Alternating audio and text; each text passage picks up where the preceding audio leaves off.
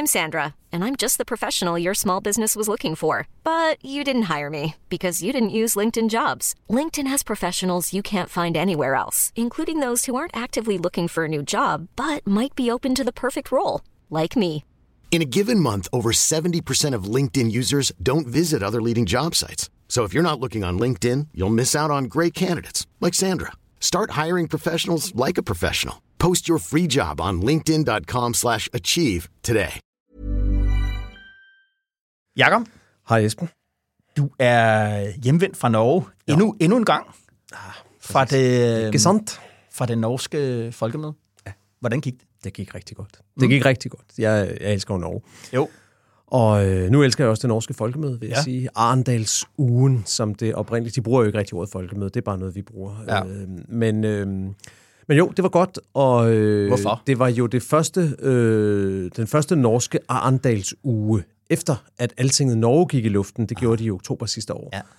Og øh, så det var sådan helt, øh, altså, sådan helt egoistisk i forhold til en altinget øh, verdenssyn, at, øh, at øh, det var forrygende at se, hvad vores kolleger i Norge lavede på det folkemøde. De Ja. havde en scene, som simpelthen fra, fra mandag til torsdag var fyldt med spændende debatter, og også var fyldt med publikummer, der sad og lyttede til alle de debatter, der var. Så det var, det var fremragende. Det er jo lige det, vi godt kan lide på alting, at samle nogle folk om noget øh, politik Mm. På, en, øh, på en god måde, og også Øh, også på en hyggelig måde. Øh, jeg tror, det var, var mandag aften, at vi havde reception på, på Altingets øh, lille scene i, i Arendal, og hvor, øh, hvor jeg sammen med øh, den norske politiske kommentator Magnus Takvam øh, mm-hmm. gennemførte en lille landskamp mm-hmm. i, i politiske skandaler. Vand, vandt vi? Ja. Vi vandt 2-1. Sådan. Sådan der. Yes. Og jeg vil sige øh, tak, Jon Steffensen. Altså, Ja. han var en af mine, han var en af mine øh, vinderspillere der, og kort efter forlod han jo så Moderaterne, ja. så øh, Perfekt. det var stærkt ja. øh, og sjovt, men de havde nu også nogle gode skandaler i Norge, må jeg sige. Altså, det er jo landet, hvor at lederen af, af deres enhedslisten, det parti, der hedder Rødt, mm-hmm. han øh, måtte gå af for nylig, fordi han havde taget et par, et par boss-solbriller i, øh, i lufthavnen, og og en, og en anden politiker, der, der også måtte gå af, fordi han havde købt, købt aktier i et våbenfirma på et tidspunkt, hvor han takket være sin plads i regeringen godt vidste, at det våbenfirma var på vej til at få en stor ordre og sådan noget. Så de kan også godt lidt derop, det vil sige, de er ikke helt sige. bagud. Ah, nej. Okay. Nå, men det er godt, at vi vandt, Jakob. Vi ja. vandt, og, ja, og så var det godt, og så var det selvfølgelig sjovt at se nogle af debatterne. Det tror jeg, vi kommer tilbage til lidt senere i dag. Mm-hmm. Sjovt at se nogle af debatterne derop. Ikke mindst selvfølgelig klimadebatten, mm. som øh, af naturlige årsager er fyldt meget i Norge. Og der Ja. er nogle, nogle sjove paralleller til Danmark der, Okay. synes jeg. Jamen, det vender vi tilbage til. Det gør vi. Herhjemme, der er politikerne jo øh, løbet ind på banen og er begyndt den, den sidste opvarmning med, med kejler og lidt skudtræning, inden øh, kampen for alvor bliver fløjtet øh, i gang til, her til oktober. Det er med andre ord sommergruppemødetid. Oh ja. Ja. Og jeg vil egentlig gerne vende især øh, Socialdemokratiets øh, pressemøde og ja. Det udspil, de kom med der, fordi der er nogle, der er nogle vigtige pointer der, Okay. derfra, vi skal have fat i. Mm. Og så, Jacob, øh, så blev vi jo to jo mindet om en, øh, en gammel sandhed, som vi måske havde glemt hen over sommeren. Vi optager jo fredag formiddag, og der findes bare intet farligere i dansk politik, end at konkludere noget på en fredag. Sidste... Jamen, vi konkluderede vel ikke noget forkert, gør vi det? Nej, men, men virkeligheden øh, stak jo af der sidste fredag. Vi var færdige der klokken 12 cirka, ikke? og så Jo. havde vi sat to forløbige, men dog alligevel sådan lidt streger under våbensagen. Fire timer senere, der smed forsvarsminister Jakob Ellemann Jensen så en håndgranat ind i sagen, da han fyrede ja. sin departementchef Morten Bæk. Men der synes jeg da, vi må sige, hvis vi må have lov til at klappe os en lille smule på skulderen i den her podcast, at det var jo præcis noget af det, vi havde snakket om om formiddagen, at departementchefen så rigtig skidt ud i Ja. den sag, og med den redegørelse, han havde afleveret. Og det var vi så åbenbart ikke de eneste, der mente. Nej. Men jeg tænker, at vi alligevel må vende tilbage til åstedet ja. Ja. og kigge på Ja, beviserne skal og sporene en gang, ja. en gang til. Måske særligt for mit vedkommende må jeg sige, at i hvert fald mine konklusioner i dag ser helt anderledes ud her en, en uge senere. Nå. Jeg tror, at den her sag kan blive en møllesten om halsen på Jacob Ellemann. Ja, Okay, jeg havde et andet sprogbillede, men det, det betyder det samme. Det tager vi senere. Alright, så har vi øh, jo også vores nye segment, nemlig lytterspørgsmål, og denne gang handler det, netop som du sagde før, øh, om, om klimapolitik. Øh, vi, regeringen varmer op til CO2-afgift på, på landbruget. Kan det, kan det bringe land, øh, regeringen i, i krise? Det synes jeg, vi skal, vi skal vinde. Det, har det, ikke vel- det, det har det da allerede gjort, har det ikke? jo, ja, det ved jeg ikke. Øh, men det er det, der er programmet, Jacob. Er det godt? Det glæder jeg mig til. Smid øh, myseosten og pindekødet og den henførte snak om fjellet til side. Nu skal vi tale om DKP.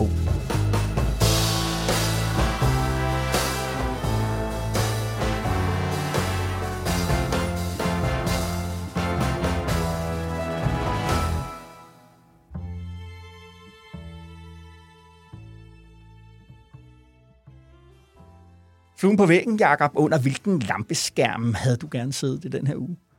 Ja, men nu, øh, nu er det jo fredag formiddag. Jo. Og øh, lige når vi går ud af studiet, muligvis endda, mens vi stadigvæk står her, hvis vi, øh, hvis vi tærsker nok langhalm på Jo. det hele, Jo.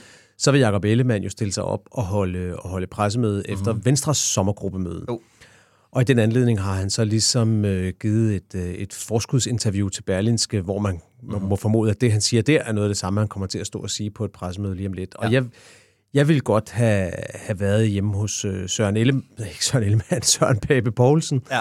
da han bliver ringet op af Berlinske og bliver bedt om at forholde sig til de mm. ting, som Jacob Ellemann siger i interviewet. Fordi det, han siger i interviewet, det er jo sådan set, at han, øh, at han udlægger teksten for dem, der ikke har forstået det endnu. Ja. Blå blok er død. Ja. Altså, og derfor er der ikke rigtig noget at vende hjem til. Altså, det, der er ikke udsigt til noget samlet blot flertal. Øh, og det kan man jo sige, at han udtrykker det, det logiske, det oplagte, som alle kan se. Men der er jo partier, der ikke har set det og ikke har anerkendt det endnu. Mm-hmm. Og, og nu siger han det så i et interview, og det bliver helt sikkert også en del af diskussionen i dag. Og jeg vil godt have set øh, Søren Pape, øh, om der overhovedet var nogen refleksion, inden at han gik ud og sagde det, som han sagde, nemlig at det var utroligt begrædeligt, og mm.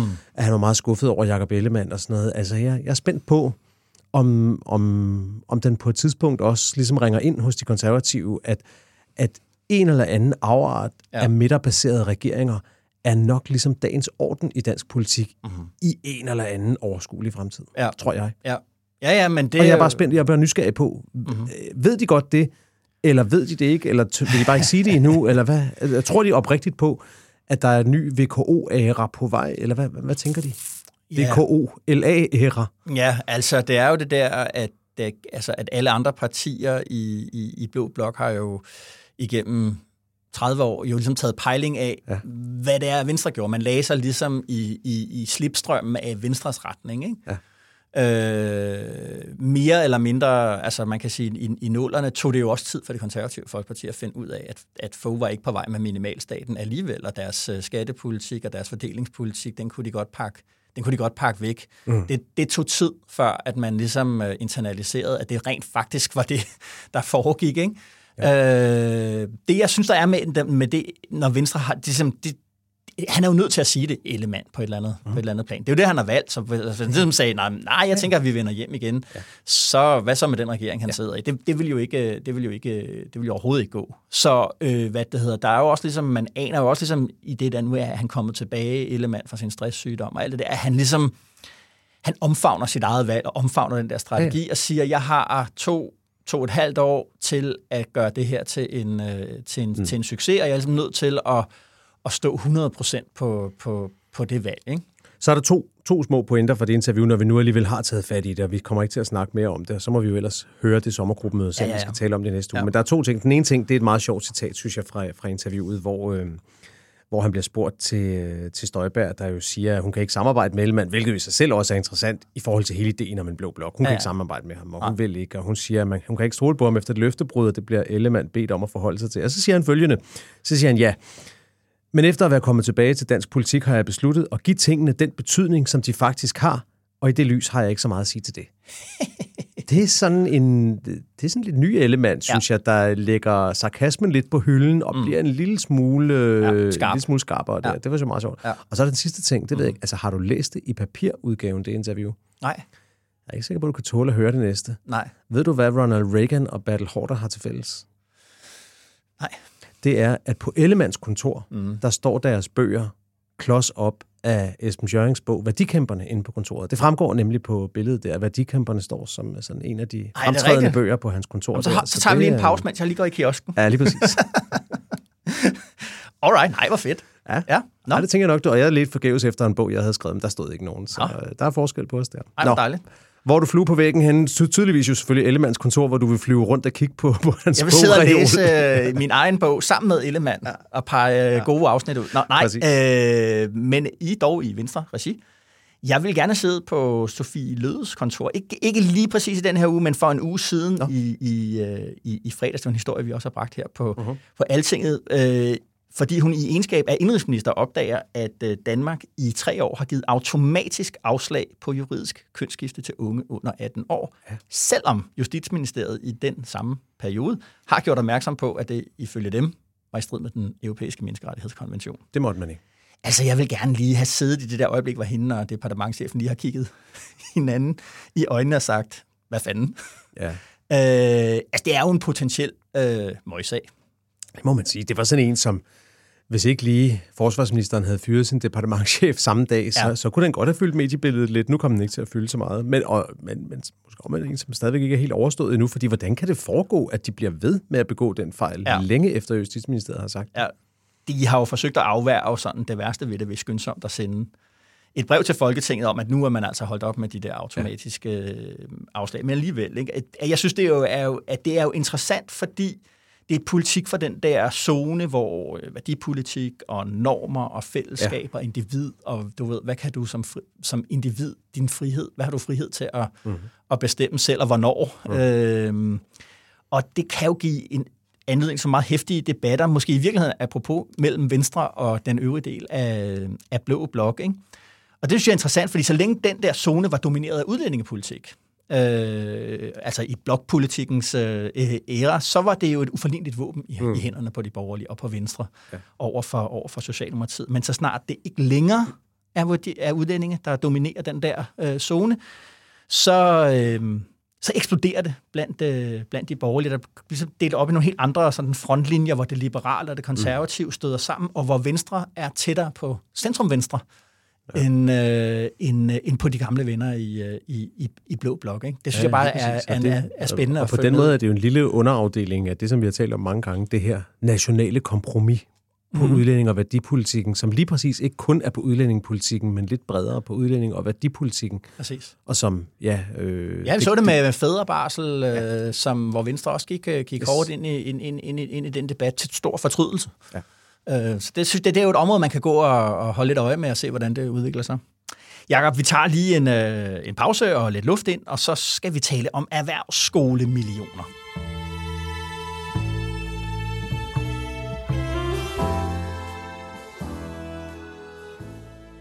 Og så det, der er i fokus øh, for vores sommergruppe i år, det er øh, den meget, meget store satsning på erhvervsuddannelse. Derfor øh, børne- og undervisningsminister. Tak. Øh, og som der lige blev sagt, så startede vi jo sommergruppemødet på en teknisk skole her i Horsens, så det har også fyldt en del i debatten øh, i diskussionerne de sidste par dage.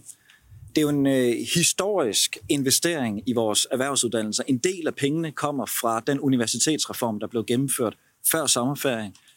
Øh, og investeringerne vil blive i vores landbrugsskoler, øh, på vores handelsskoler, på vores social- og sundhedsskoler og så på vores tekniske skoler. Ja, Jacob, her er det undervisningsminister Mathias Tesfaye, der kroner et par dages øh, kampagne med store interviews i pressen. Der er også et på vej i Altingets magasin med annoncering af en ret hæftig pengeindsprøjtning til de danske erhvervsskoler. En, en lille milliard frem mod øh, 2030. Det er jo øh, konkret politik i sig selv, men jeg synes også, det er et meget sigende stykke politik for regeringen, både sådan taktisk, strategisk øh, og, og ideologisk. Ja. Ja, Og, han, og, han, og han får lige omhyggeligt understreget første gang, han har ordet, at Ja. pengene, hvis nogen skulle være i tvivl, de kommer hen fra universitetet. Præcis. Og den der, det, det synes jeg jo er, er det, det er det meget vigtige ideologiske, ideologiske element i det. Ikke? Mm. Altså taktisk set, så handler det her jo om, om projektgenstart. Ikke? Regeringen, det skal ikke længere være dem, der tager noget, for eksempel en fridag, i arbejdsudbuddet til i navn, men man investerer øh, penge. Så nu kan vælgerne, ligesom, de skal se SVM-regeringen i et mere positivt lys. De gør noget, de giver noget, investerer i noget.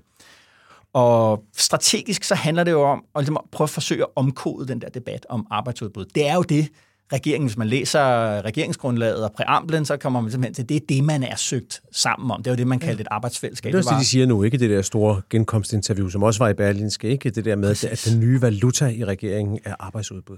Ja, de siger arbejdskraft. Arbejdskraft, Øh, og den okay, der ja. forskydning der med, ligesom, ja. i stedet for ligesom at tale, de henviser ikke bare til sådan en mm. finansministeriets abstrakte ligning om øget arbejdsudbud, øh, mere velstand, øget råderum, og det har vi brug for, for der er ikke penge nok til at videreføre velfærdsstaten. Det siger de, "Nej, der er faktisk øh, penge nok. Det, det viser sig jo der i løbet af, af sidste halvår, at der, der var penge herfra og til, til solen brænder ud. Ikke? Øh, men problemet nu, siger de, det er, at der ikke er, er nogen til at foretage, øh, udføre det arbejde, der, som vi alle sammen kan se stå øh, ja. og, og mangle. Så man har ligesom skudt sig væk fra sådan en finansministeriel konkurrencestatslogik øh, til noget, som er, som Socialdemokrater elsker, nemlig beskæftigelsespolitik. Mm. Altså det handler om noget konkret arbejde. Vi skal uddanne nogen, fordi der står der mangler nogle håndværkere, der mangler nogle øh, øh, sygeplejersker og socioassistenter. Det er dem, vi skal ud og lave nu. Så det bliver mere, man prøver at gøre det mere konkret og mindre, øh, mindre abstrakt. Og så er der, som du siger, det der med, at... Øh, at det her med, at man har taget pengene fra universiteterne, man har dimensioneret, og nu ryger alle pengene, plus nogle flere, mm. over, i, øh, over, i, over i erhvervsskolerne. Ja. Øh, og jeg synes, det er interessant, fordi analysen af Socialdemokratiet og Mette Frederiksens kurs med at søge ind i SVM-samarbejdet, det har været, at hun har opgivet sit gamle arbejderistiske projekt og er genopstået som sådan en mm men du køber det, du køber det som, øh, som, øh, som reel politik, det her? Det er reel politik, men det er også fortsættelse. Det er meget vigtigt at se, hvordan det er. Det er fortsættelsen af det, Socialdemokratiet mm. ikke bare ville, da de var i regering, men før de gik ind ja, ja. i den regering. Altså Kåre Dybvad, mm. Bæks bog, De lærtes tyranni, og Mathias Tesfaye, øh, bog, De kloge hænder det her, det, det, det er meget, det følger simpelthen, man kan simpelthen se, hvordan at man, man udfører en politik, man har annonceret for, ja, for, mm. for, for Tesfayes vedkommende 10 år siden nu. Jeg synes bare, ja, og vi må se, hvor, hvor meget det fører med sig. Altså, lige før sommerferien havde vi jo diskussion med erhvervsskolerne, der gik ud og sagde, hvis jeg, hvis jeg husker rigtigt, at de manglede 800 millioner på grund af faldende elevtal. Mekanikken er jo den helt enkle, at du får dine bevillinger ja. øh, udbetalt på basis af, hvor mange elever du har. Det det, der hedder taxameterordningen. Ja. Så hvis elevtallet falder, ja, så tæller taxameteret ikke så hurtigt, så får du færre penge. Mm-hmm. Og hvis de nu siger en milliard frem mod 2030, ja. så vil noget hurtig hovedregning for mig sige, at det er sådan set stadigvæk netto nedgang for mange erhvervsskoler. Så i forhold til, du ved, ja. at, altså taler vi om at, at putte plaster på et blødende sår her, eller taler vi om en reel opgradering og revolution af de danske erhvervsskoler, der er jeg nok stadigvæk lidt mest på det første. Men jeg tror, det der ligesom, jeg synes i hvert fald, at, at Altså, så i hvert fald det er værd at bemærke, ligesom, at, at gangen i det, altså at du har basically er SVM-regering, som tit bliver ligesom udlagt som den der teknokratiske, afpolitiserede midterregering, mm. viderefører det, der er, har været højideologisk. Kernen i det, som Mette Frederiksen ville, ja, ja. Øh, som, var jo, som jo ikke bare drejer sig om at allokere nogle midler, men jo at ændre den måde, vi ser på os selv som samfund, og også som individer på. Hvad er prestigiøst? Hvilke jobs er, er, er fine øh, at have? Og det er jo fordi, man godt ved, at hvis det skal, hvis det skal lykkes det her med at, at, at, øh, ændre på arbejdsstyrkens profil, jamen så, så er vi nødt til at, at ændre på kulturen, der er. Ikke? Og der kan man sige, han følger jo op til Sveje ved at sige, at de vil jo gribe ind i folkeskolens faglige øh, profil også og sige, at vi skal vægte forholdet mellem teori og praksis øh, anderledes. Ikke? Og det sidste step, der jo så mangler der, det er jo, det her, vi diskuterede. Og der, hvor det bliver rigtig svært for regeringen, det er den der HPX-uddannelse, Nina Schmidt øh, foreslog, og som man jo altså fra... denne her, denne her overgangsuddannelse mellem folkeskolen og erhvervsskolerne. Ja, præcis, som skulle ligesom være, have alle gymnasieskolens sociale kvaliteter med fredagscaféer mm. og fester og huer og mm. busture og alt det der, ikke? men som, øh, som, som jo render ind i det der problem med, med efterskolerne, som ligesom er blevet øh, dem, der har 10. klasse, og det er i 10. klasse, man vil lægge den der HPX-uddannelse øh, blandt andet. Ikke? Ja. Ja. Det er i hvert fald, det, men det er i hvert fald meget er according to a plan, synes ja, okay, jeg. Øh, og det synes jeg er interessant, ligesom, og, altså, også for vurdering af SVM-projektet, også ja. magtforholdene. Men det, der sker lige nu, synes jeg, i SVM-projektet, som jeg ser det, når de kommer tilbage fra sommerferie, det er jo, at ja, genstart, de skal alle sammen øh, finde ud af, hvor påvirket vi var her, fordi det var ikke det der med, at vi manglede penge, og i øvrigt, Mette Frederiksen fik hele problemet med, at hun var på vej væk og alt det her. Jo. Og der er det jo ligesom om, at de har fået lov til at stille en brik på spillepladen hver. Ja, ja. Socialdemokraterne har sat den her på erhvervsskolerne. Ja. Venstre har sat den på en, nogle nye skattelettelser, 1 milliard oven i de 5 milliarder, der, der allerede var bebudet. Ja. Øhm, det må vi se. Det kan være, øh, at, at vi får mere at vide om det på Venstres sommergruppemøde her, jo. efter vi har optaget. Jo. Og så øh, kunne man læse i weekendavisen, at øh, hvad er så Moderaternes brik på den spilleplade? Der er ja. noget, der tyder på, at det faktisk er at, at flere af principperne fra, øh, fra Lykkefonden ligesom skal indarbejdes ind i, i folkeskolen, og det, det må vi se, om det er rigtigt, men det har vel formodningen for sig, at, øh, at Moderaternes øh, krav i sådan en, en forhandling, det er noget, der er meget tæt forbundet til, til, til Lars Løkke. Ja.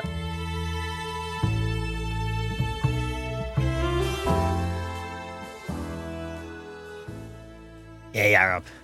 Sidste fredag, vi, vi er glade, da vi går ud af, af studiet. Vi er i gang igen, og udsendelsen er blevet god, og vi har ikke glemt, hvordan man gør. Men vi har glemt, at den dag, der sker ting i dansk politik, det er fredag.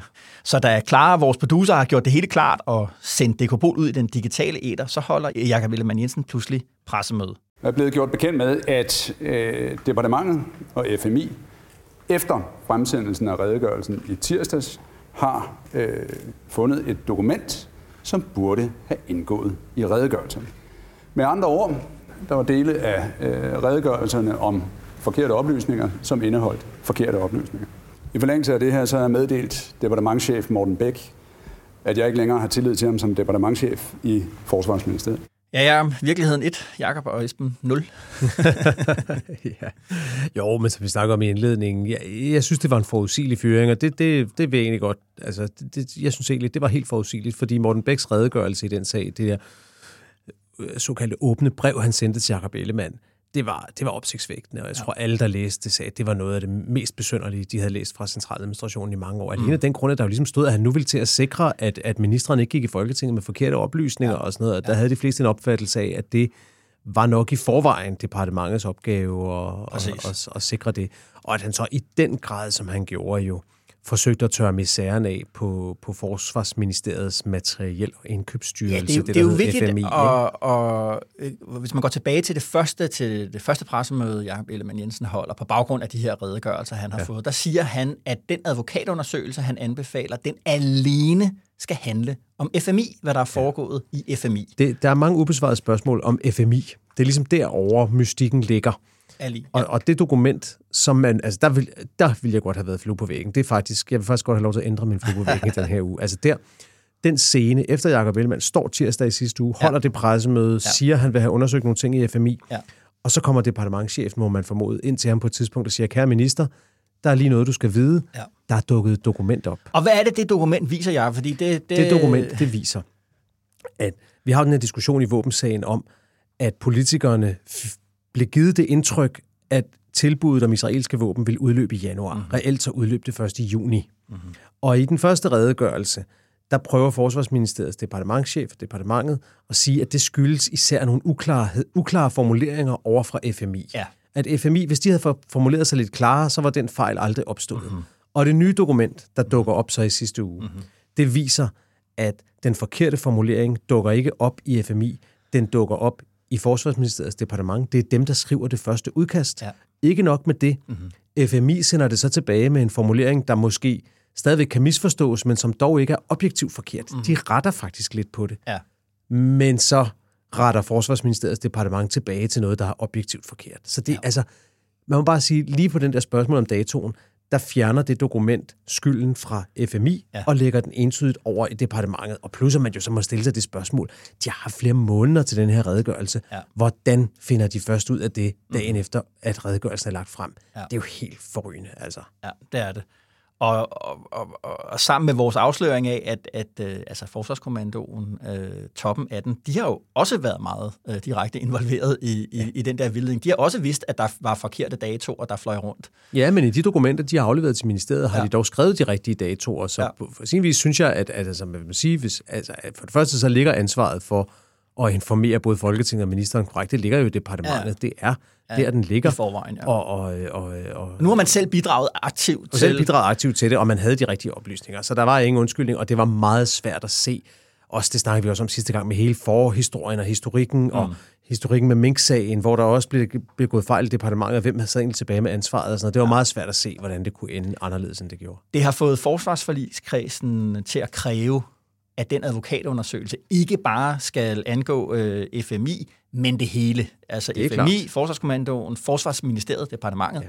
og Jakob Ellemann Jensen øh, selv. Og, og det vil en opposition jo altid kræve at få undersøgelser til at komme så tæt på ministeren ja. som muligt. Der er intet nyt under solen der, ja. men det er klart, at nu har de fået bedre skyts til at Præcis. sige, at det skal den. Og det er jo den vigtige politiske kamp i kampen lige nu på det her, ja. på det her område. Og jeg synes, altså, hvad det hedder, lad os lige afklare naturlovene, hvis vi kan kalde det det. Øh, Ellemann er beskyttet af, at regeringen er en flertalsregering.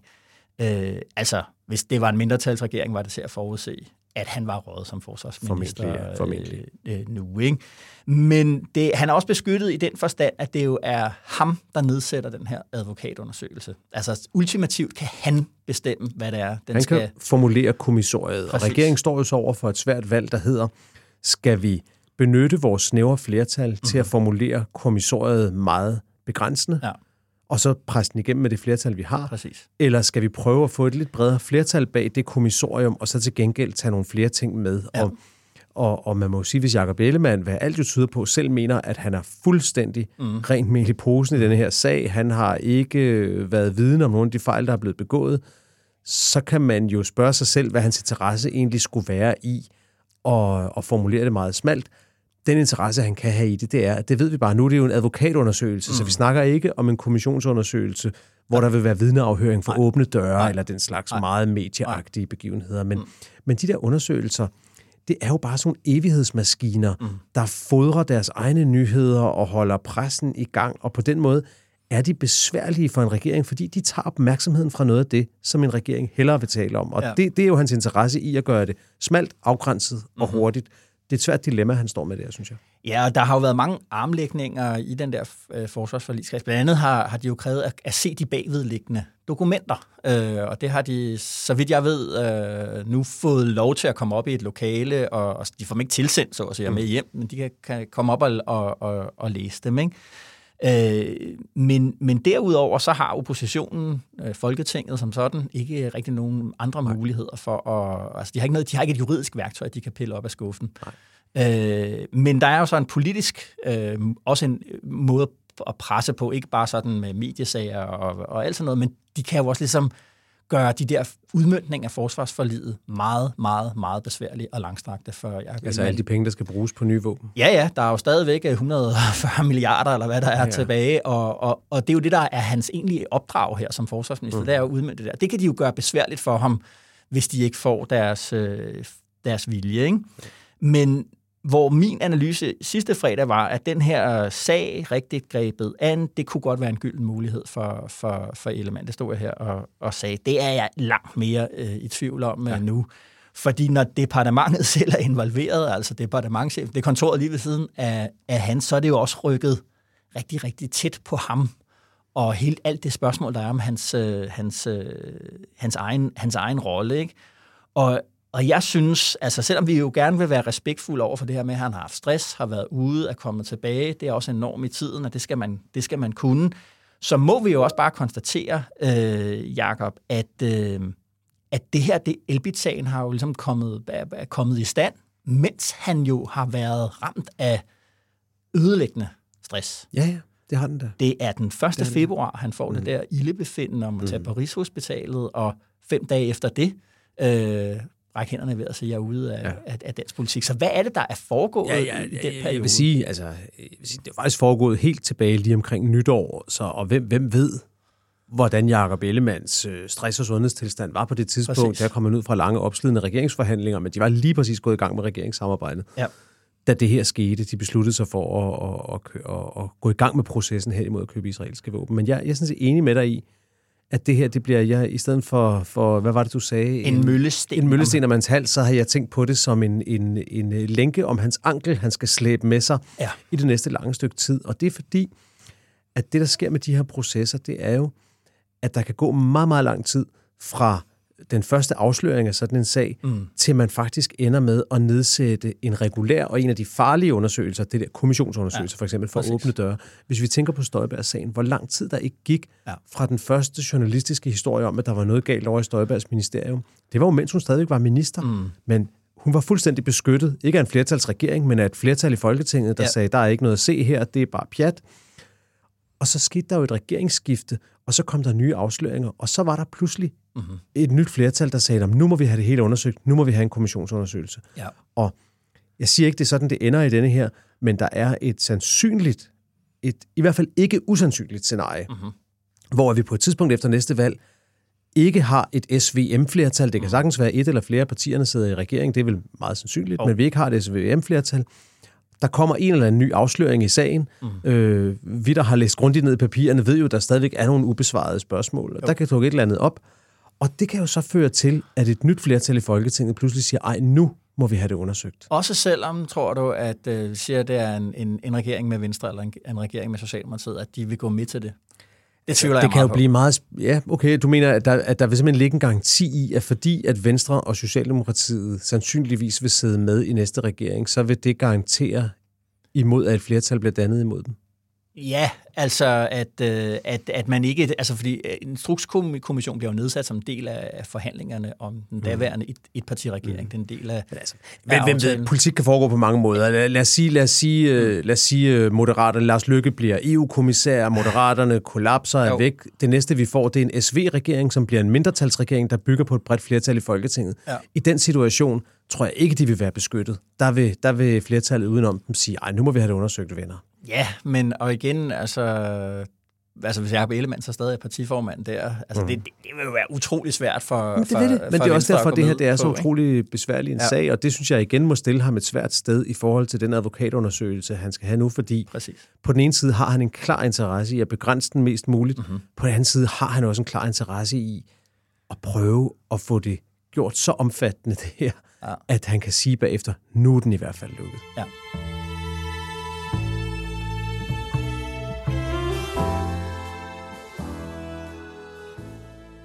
Jakob, øh, vi har faktisk fået en, en del øh, sådan spørgsmål og, og mails fra lytterne om øh, klimapolitik.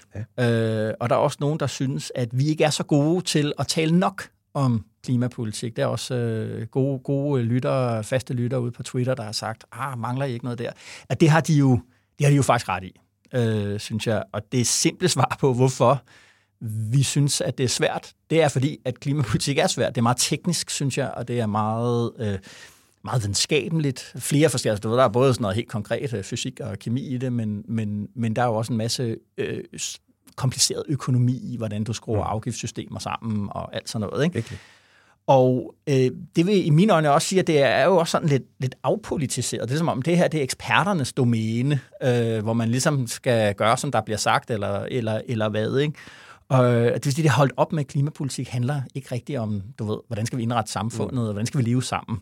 Men det kommer måske, det kommer måske nu i, i den her øh, sæson. Nå, spørgsmålet, øh, som kommer fra øh, Bjarke Jacobsen, der siger, at han er trofast DKP-lytter. Han siger, at jeg synes, det kunne være spændende at have øh, et afsnit omkring de kommende forhandlinger om CO2-afgiften og om landbrug og fødevarepolitik i den øh, forbindelse. Jeg har nemlig et, skriver han en lille vedmål, med en D-historiker-kammerat om, at jeg tror, at forhandlingerne kan komme til at blive regeringens endeligt. Socialdemokratiet okay. og Moderaterne kan ikke tåle en for lav afgift, og Venstre de kan slet ikke tåle nogen øh, afgift, der ligger sig ud med, med landbrug og, og, og fødevare. Altså en afgift, der vil få landbruget til at, at, at lukke, skriver han. Ikke? Så øh, hvilken betydning øh, får det, øh, og den der kamp, der også er mellem Inger Støjberg og Venstre om at, om at være Danmarks landbrugsparti? Hvad er der på spil for regeringen? Ja. Ja, man må sige, at klima er jo helt fra sæsonstarten her blevet et hot topic ja. øh, på grund af dels statsministerens øh, udmelding og dels klimaminister, øh, klima- og energiminister Lars Ågaards udmeldinger, ja. hvor de jo begge to, det synes jeg er meget sjovt, har været ude og lancere sådan det, man vil kalde klimapragmatisme. Jo. Siger, at vi står ved vores mål. Det skal man jo huske. De står stadigvæk ved, at de mener, at vi skal, vi skal nå de forskellige klimamål, der er ja. sat om reduktioner på nogle forskellige årstal. Ja. Men de siger begge to, det er enormt vigtigt, at vi gør det her på en måde, hvor at vi ikke skubber store vælgergrupper mm. eller store befolkningsgrupper. Det er jo ikke nødvendigvis det samme øh, fra os. Altså, det må ikke gøre så det må ikke blive så voldsomt, at, øh, at folk vender sig imod det, fordi så er det kontraproduktivt. Ikke? Ja. Og Lars Ågaard har haft det her øh, famøse citat, hvor han gik ud og sagde, at der skal være mindst 80% opbakning til, ja. til klimapolitikken, hvilket ja. selvfølgelig gjorde, fik mange til at hæve øjenbrynene, fordi der var jo mildt sagt ikke 80% opbakning til at fjerne stor bededag, for eksempel. Nej. Det gjorde de alligevel, ja. så hvorfor vil de ikke træffe upopulære beslutninger? Ja. Og på den måde synes jeg, at det sjove ved det er, at vi har jo snakket om tit, det har været en af dine pointer mange mm. gange, at CO2-afgiften på landbruget, ja. det er virkelig en sag, der kommer til at gøre ondt. Mm. Men det er jo faktisk ikke Venstre, det er faktisk de to andre regeringspartier, mm. der har gået ud og har taget nogle kugler og taget noget offentlig kritik nu på ja. allerede at lægge sig ind på den, hvad skal man sige, mere pragmatiske linje, hvor man ligesom forbereder befolkningen på, vi kommer ikke med noget her, der kommer til med et knips Nej. og revolutionere dansk landbrug. Nej. Altså, jeg tror, der, der er der er i hvert fald der, der er ligesom to elementer i det her øh, sådan umiddelbart. Ikke? Det ene er jo, at der står i klimaloven, at vi skal nå de der mål, og så står der, men det skal ske uden at, øh, at, at øh, du ved, at vi sender udledningen til, til andre lande, og ja. uden det går ud over arbejds, ja. ud over beskæftigelse og alt sådan noget. Ikke? Og det er, som, det er den sidste del, de, de taler øh, rigtig meget om øh, lige nu. Ikke? Der, som jeg hører det på Mette Frederiksen, så er hun reelt bange for det, vi kunne kalde hollandske tilstande. Mm-hmm. Altså, der, har jo været, der er jo det her parti, Bunde Borgerbevægelsen hedder det, ja.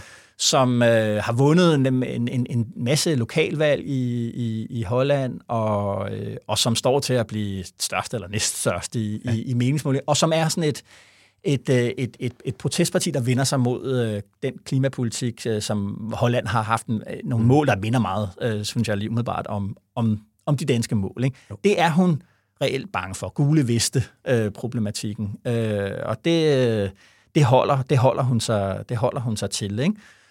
Øh, de venter, de siger jo, ja, ja, vi, der kommer en CO2-afgift. De venter jo på, de der eksperter kommer. Det bliver formentlig en, en sådan, det vi også så, da der skulle være CO2-afgift på industrien. Der kommer nogle eksperter, de har tre modeller med, mm. den gode, den onde og den grusomme. Og så vælger man øh, model nummer to, fordi så er der man ligesom valgt øh, en eller anden form for, for, for, for middelvej. Ikke? Øh, Spørgsmålet er jo, der ligger her i det, at er det her noget, der kan bringe regeringen i, i, i, i uføre, altså enten in, internt, eller sådan der, altså gå ud over deres samlede popularitet? Hvad tænker du der, Jan? Jeg hælder nok til ikke internt, altså af den grund, vi lige snakkede om, ja. at pragmatismen er nu også officielt Socialdemokraternes ja. og Moderaternes ideologi, og Moderaterne, lad os ikke glemme det, har jo, øh, har jo altså en virkelig... Øh, grøn energiaktivist som øh, klima- og energiminister. Altså når man var til kaffe hos Lars Ågaard, mens han var direktør over i den interesseorganisation, der hed Dansk Energi, mm-hmm. så var han jo den, der stod der, og gerne, når man drak kaffe med ham, så stillede han sig gerne op ved et whiteboard for ligesom at understrege sine pointer, og så tegnede han lidt nogle streger og brugte det til at forklare, basically, ja. at vi er nødt til at sætte tempoet markant op. Det skal ja. gå meget, meget hurtigere. Han var mhm. virkelig der skubbede på. Ja. Og mit, mit indtryk, når man talte med ham dengang, var bestemt, at det var ikke du ved, tillærte lobbyistholdninger, det var noget, han virkelig mente ja. øh, øh, i sit hjerte, som jo. vist for at bruge hans eget udtryk. Jo. Så, så det, jeg, jeg tror egentlig ikke, det har potentiale til at splitte regeringen internt, men jeg tror, det har potentiale til at rykke nogle stemmer andre steder hen, fordi mm. jeg tror, at der er en et bestemt segment af vælgerne, og ikke kun dem, der, øh, der kigger mod Alternativet og Enhedslisten. Jeg tror, der er et ret stort segment af vælgerne, især blandt yngre vælgere, som virkelig efterspørger mere markante klimatiltag. Mm. Og der tror jeg, at, øh, at det kan skade opbakningen til alle tre partier, mm-hmm. når, når det helt sikkert vil blive udlagt som ikke ja. ambitiøst nok, det de kommer med på, på det her område. Der er jo sådan i, i, i klimapolitikkens historie i Danmark, nyere historie, altså det der alternativet, vi siger brager ind i Folketinget mm. i 2015, de brager jo ikke mere, end at det er lige under 5 procent øh, af stemmerne, de får. Mm det kommer bag på de andre politikere, og man skal huske på, at dansk politik bliver jo afgjort på nogle marginaler. Det er derfor, at 5% kan være meget i, øh, i, i, i dansk politik. Og så kommer reaktionen jo i 19, hvor øh, Alternativets forslag om de der 70 procents øh, reduktioner, det bliver lige pludselig øh, sådan en symbolpolitisk øh, måde at sige, at vi er også et grønt parti, og de stjæler jo på den baggrund ja. alle, næsten alle øh, Alternativets øh, øh stemmer, og, og de kommer kun lige afret i, i, i Folketinget. Derfra så vedtager man klimaloven. Og så er det, det overgår, synes jeg, til den der øh, teknokratiske fase, mm. altså hvor der bliver nedsat et klimaråd, og det bliver meget videnskabeligt, meget svært at også meget, med i. Også meget hokus pokus, altså prøv at tænke på, ja, ja. så kom der energiøer, og der skulle lave, og mm-hmm. der mhm. var den her åben dør-løsning, hvor man bare lige kunne føre vindmøller op, og begge de dele har den her regering jo stoppet igen, ja. fordi man har indset, hey, det her det bliver alt, alt, alt for dyrt. Altså, der har været et, et hastværk i klimapolitikken, måske båret ja. af, hvor meget man følte behovet for at svare på, mm-hmm. på, på, på udfordringen fra mm-hmm. Alternativet. Og det var vel også det, som det der meget øh, ambitiøse klimamål i, i den første S-regering var udtryk for, at man ligesom sagde, okay, så lad os gøre det til en lov. Der ved jeg, der var nogle politikere i Socialdemokratiet, som bagefter sagde, hov, hvad var det lige, vi gjorde med til det? En ting er at have klimamål, men nu har ja. vi gjort det til en lov. Nu binder ja. det. Vi skal nå det. Ja der, altså, det gik meget, meget hurtigt. Ja. Og der tror jeg, at det jo, kan man jo se, at mm. der er noget efter tænksomhed nu på, hvor vi må også lige sørge for, at det, at, at, at det kan foregå på en, øh, på en reel måde. Men jeg synes bare, at det der, altså, den der udvikling der, det er, at på en eller anden måde klimapolitik ikke blevet, hvad skal man sige, politiseret ja. særlig godt. Altså det går fra at være noget symbolpolitisk meget vigtigt til, at det bliver det der meget teknisk videnskabelige ja. noget.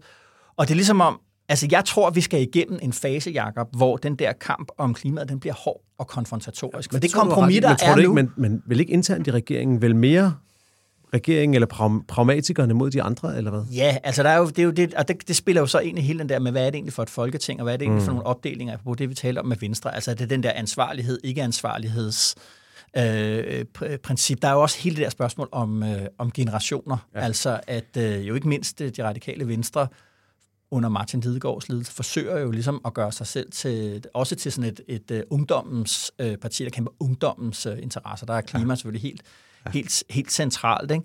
Men det er som om, at, at, at vi gerne, eller politikerne gerne har ville hen i det der med, at vi har et kompromis om, øh, hvad kan man sige, hvor der er fred om, om, om emnet, men uden at vi har haft, så at sige, det der helt store slagsmål om det. For jeg synes, at det, når vi taler om 2019-valg som et klimavalg og kigger på alternativet, det er jo, meget, det er jo stadig meget få vælgere. Øh, få vælgere har stor betydning i dansk politik, mm. men det er ikke den der bredde. Og der tror jeg tror, at, at øh, jeg tror, at den der pragmatisme, som du kalder det, har, har mange flere vælgere øh, bag sig, end man måske lige skulle tro. Jeg ved, at der har været meget hissig debat om det, men jeg tror, de er meget mere on foot øh, med, med, med, hvor vælgerne egentlig er henne. Fordi mm. også, jo mere vi nærmer os hverdagen, Jacob, jo mere, altså du ved, nu bliver det fødevarer og brændeovne og alt sådan noget. Jeg, jeg, jeg er ikke helt sikker på, at den er så rodfæstet, den der med, at vi skal lave øh, klimaforandring, når det går ind og, og, og bliver vores hverdag. Det er jo det, der bliver spændende at se. Hvad hedder det? Nu talte vi om i begyndelsen, at jeg lige har været i Norge, jo. og det var, det var sjovt, for der kører klimadebatten på mange måder på de helt samme øh, diskussioner, det her med, hvilket ansvar har Norge for selv at gøre noget, og mm-hmm hvor det i Danmark er, er landbruget, der står for cirka en fjerdedel i grove tal, for cirka en fjerdedel af de danske CO2-udslip, mm-hmm. de mhm. danske udledninger, så er det jo Norge en, en anden sektor, der står for udledningerne. Det er selvfølgelig olie- og gassektoren. De ja. pumper stadigvæk masser af olie op mm-hmm. af, af, af de der felter i, i Nordsøen, ja. som egentlig var danske, men lad det nu ligge. Jo, jo. Øhm, hvad hedder det? Og, og, øh, og, og der har de den samme debat. Hvad, hvad, hvad skal de gøre med det? Og jeg vil godt lige spille et klip fra dig fra øh, afslutningen på det norske folkemøde torsdag aften, hvor det slutter altid af med en stor partilederrunde, som ja. bliver sendt direkte på NRK på Norsk mm-hmm. TV. Jo. Og der sker så det, at studieverden på et tidspunkt siger til alle de her norske partiledere, de har næsten lige så mange som os, hvis ikke flere, sådan 8-10 stykker, ja. siger, ræk lige hånden op, alle dem, der mener, at Norge er på ret kurs i forhold til at nå øh, klimamålene. Ikke? Og så prøv lige at høre, hvad der sker. 55, 55 reduksjon ja. i utslipp. Ja. Kan vi gjøre en liten øvelse? Hvem av de norske partilederne mener at vi er på god vei til å nå målet om 55% reduksjon av norske klimautslipp innen 2030? Jeg vil se en hånd i været på den som har tro på det. Det spørs hva du spør om. Men kom, Ja, det, det, det der sker her, det er, at norske statsminister Jonas Gahr Støre, han står ene mand med sådan en, en halv hånd i vejret. Han kan ikke engang få den helt op over hovedet, men han kan sådan få den halvt op. Oh. Og alle andre står, de skal ikke have hænderne i vejret. Ej. Og det er selvfølgelig lidt at få folk til at grine her, at, at øh, de har lige haft en klimadebat, men der er ikke nogen af dem, der tror på, at de er, at de er på vej til at nå målet. Og og, og, og der, hvor debatten også er, er parallel, det er, at i Norge, der går debatten så på det her med, med, øhm, med olieproduktionen. Og den store debat der, det er det, de kalder elektrificering af soklen. Ja. Og det var altså, hvad, hvad, hvad betyder det? Mm-hmm. Det betyder, at selve produktionen af olie mm-hmm. skal elektrificeres. Mm-hmm. Så altså, hvis man kan nedbringe brugen af fossile brændstoffer til at hive olien op af undergrund og transportere den ind til land og alt sådan noget, ja. så kan Norge virkelig nedbringe sit CO2-forbrug rigtig meget. Ja. Men der står de grønne partier faktisk og siger, hov, hov, det, det nytter jo ikke noget. Så sender vi jo stadigvæk 2% af verdens samlede olieproduktion ud i verden og bliver brændt af. Så kan mm. vi pusse vores glorie, ja. men det hjælper jo ikke på, på klimaet. Mm-hmm. Og de er jo også bange for, at hele den norske grønne energi så skal bruges ud på olieplatformen, i stedet for at blive brugt ja. på resten af industrien. Ja. Og, og, og derfor er man i Norge i den bizarre situation, at et parti som Miljøpartiet De Grønne faktisk er imod udbygning af vindenergi i, øh, i, i Norge af den der grund. Aha så er det lidt anderledes end ja, ja. den danske debat, men det er lidt den samme debat. Det er denne her med, er det den pragmatiske tilgang? Ja. Skal olieindustrien i Norge, mm-hmm. i mhm. Danmark er det så landbruget, mm-hmm. have lov til at køre videre af alle de gode grunde, der er til det? Mm-hmm. Eller skal vi ligesom indebære det at være forgangsland, at vi også rent faktisk skal mm. gå forrest og tage nogle omkostninger? Og så rører det jo ved det der sådan helt grundlæggende spørgsmål. Det er jo, at alt den øh, fremgang, vi har haft historisk, er jo, er jo bygget på øh, forbrug af, af, af olie. Det gør det jo. Og, øh, og altså, kan vi ligesom have fremgangen, øh, industrialiseringen, kapitalismen, produktionen, øh, uden, at, uden at forurene? Altså, kan vi ligesom, og det er jo det, der er, ja. også er i den danske, det er jo, at der er noget, der er noget teknologi, og der er noget grøn energi, der ligesom gør, at vi skal ikke ændre på noget. Samfundet vil stadig ligne sig selv, Øh, der kan være, der er nogle solpaneler her, der er nogle vindmøllerparker og sådan noget, men ellers så er alt det samme. Så vi skal, vi skal forandre noget, samtidig med, at ingenting rigtig skal blive anderledes. Ikke? Øh, og, og, og samtidig synes jeg, der er sådan, det, det er helt en andet sådan, øh, afgørende problem i den diskussion, det er jo, at, at al den modernisering, vi har lavet i de sidste 200 år, er jo oppebåret af en stadig større forbrug af energi, og at hvad skal man sige, demokratiseringen af adgangen til at bruge mere og mere øh, energi. Øh, vi, vi, øh, vores hjem bliver mere og mere øh, elektrificeret, eller hvad man skal sige. Vi bruger flere og flere elektroniske ting og sager, ikke? Og det er jo bare det, der ligesom, altså kan man, det er det, jeg synes, der er sådan, det er jo det der sådan helt grundlæggende, kæmpe store spørgsmål. Altså, skal vi, skal vi til at bruge mindre energi, eller kan vi ændre den energi, der er, til noget, der ikke, ikke, ikke forurener, og dermed ligesom beholde den samfundsmodel, vi har, eller skal samfundsmodellen laves helt om. Helt enig. Øh, og det synes jeg, er, altså det, det, det, det er jo vanskelige spørgsmål selvfølgelig også at svare på som sådan en arbejdende politiker, men det virker nogle gange lidt, apropos det der med, at vi har svært ved at tale om, øh, om, øh, om, øh, om klimapolitik, så er det jo lidt fordi, det er jo, det, det, det, det er jo altså kan man sige, det er jo det, der er det store politiske politiske spørgsmål i det der, skal samfundsmodellen laves om, ja eller nej?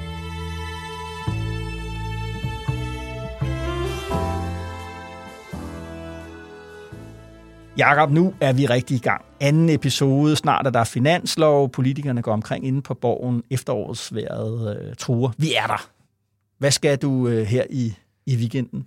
Jeg skal lave politik. Eller ikke lave politik, men øh, jeg skal til folkemøde igen. Nå. Det er, det er første gang i mit liv, jeg prøver to folkemøder på et uge. Første, første norske. Her i, i morgen lørdag tager jeg en tur ned til Møn, til, Ja. tæt på din gamle hjemegn. Jo. Det er vel nærmest i din hjemkommune. Ligger det ikke i Vordenborg, eller hvad? Jo, jo, det gør ja. det vel nu, ja.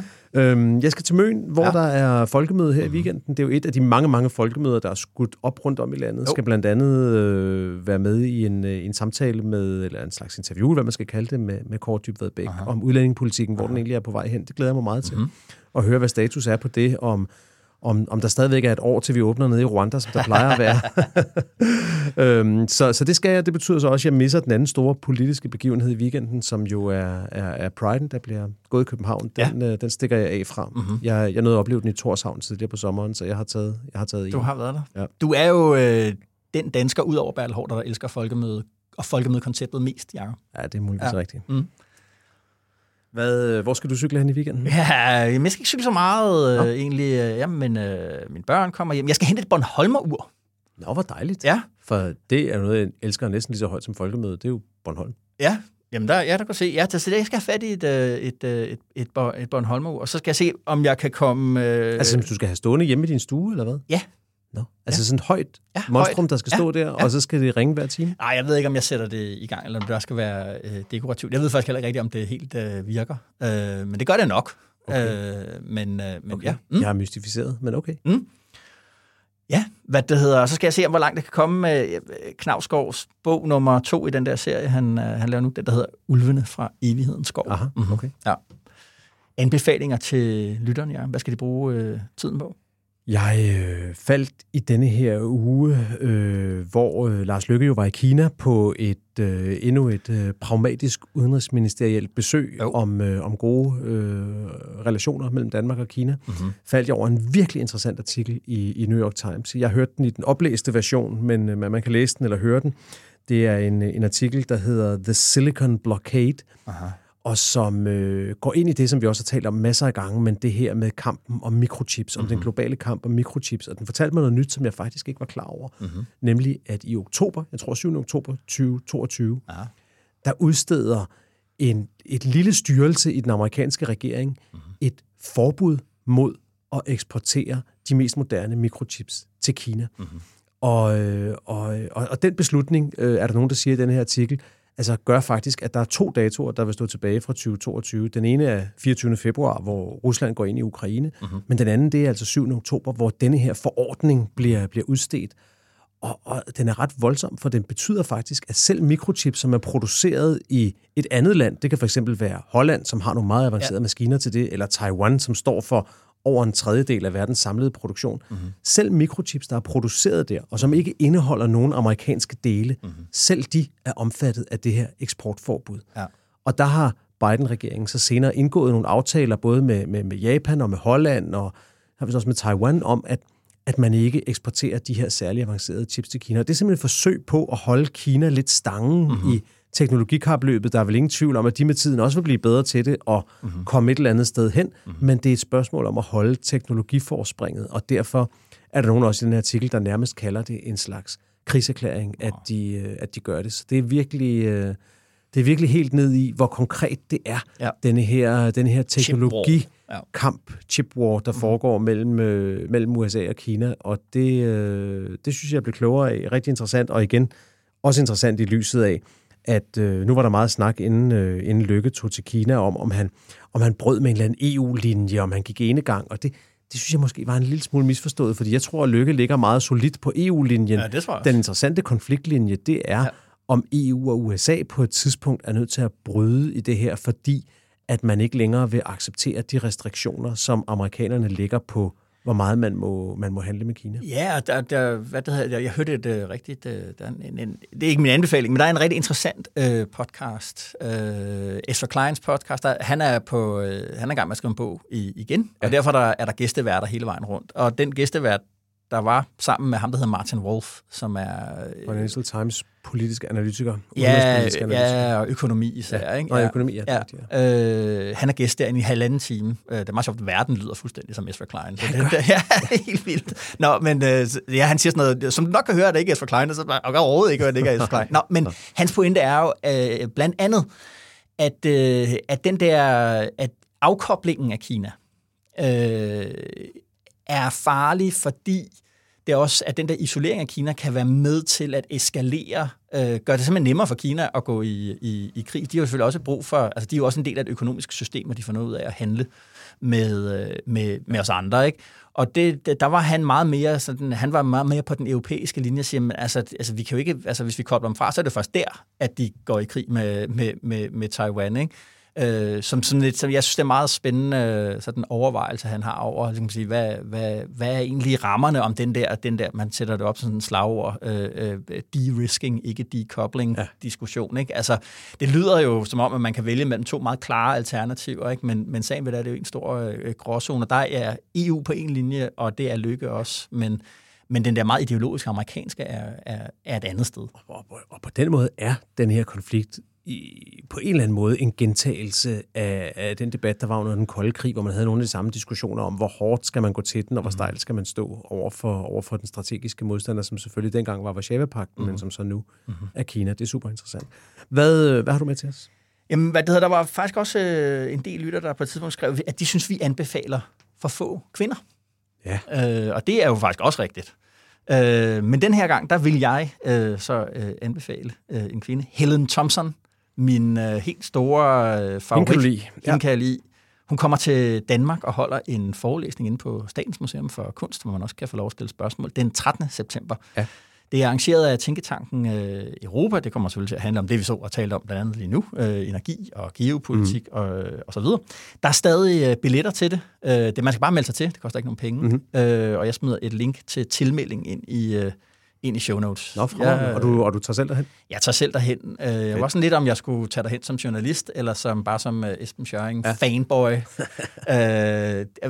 skillelinjen går der for mig imellem. Får du en signatur i din bog, eller gør du ikke? Fordi hvis du er på arbejde, så gør du ikke. Nej. Uh, så er du ikke fanboy, så skal du ligesom... Jeg, jeg tager afsted som fanboy, jeg jeg vil, jeg vil maxe helt ud og have selfies og alt sådan noget med Helen Thompson. Fedt, ja. Okay, det glæder vi os til. Jakob, tak for den her gang. Vi ja, ses i uh, næste uge. Og som altid, tak til dig derude med Dekopol i ørerne. Gå ind, hvor du henter din podcast og giv os dine stjerner. På den måde, der kan vi nemlig blive endnu flere i Dekopol-fællesskabet. Klar, Vestergaard Lausen producerede denne episode af Dekopol, færmt og med den professionelle fingerspidsgefyl.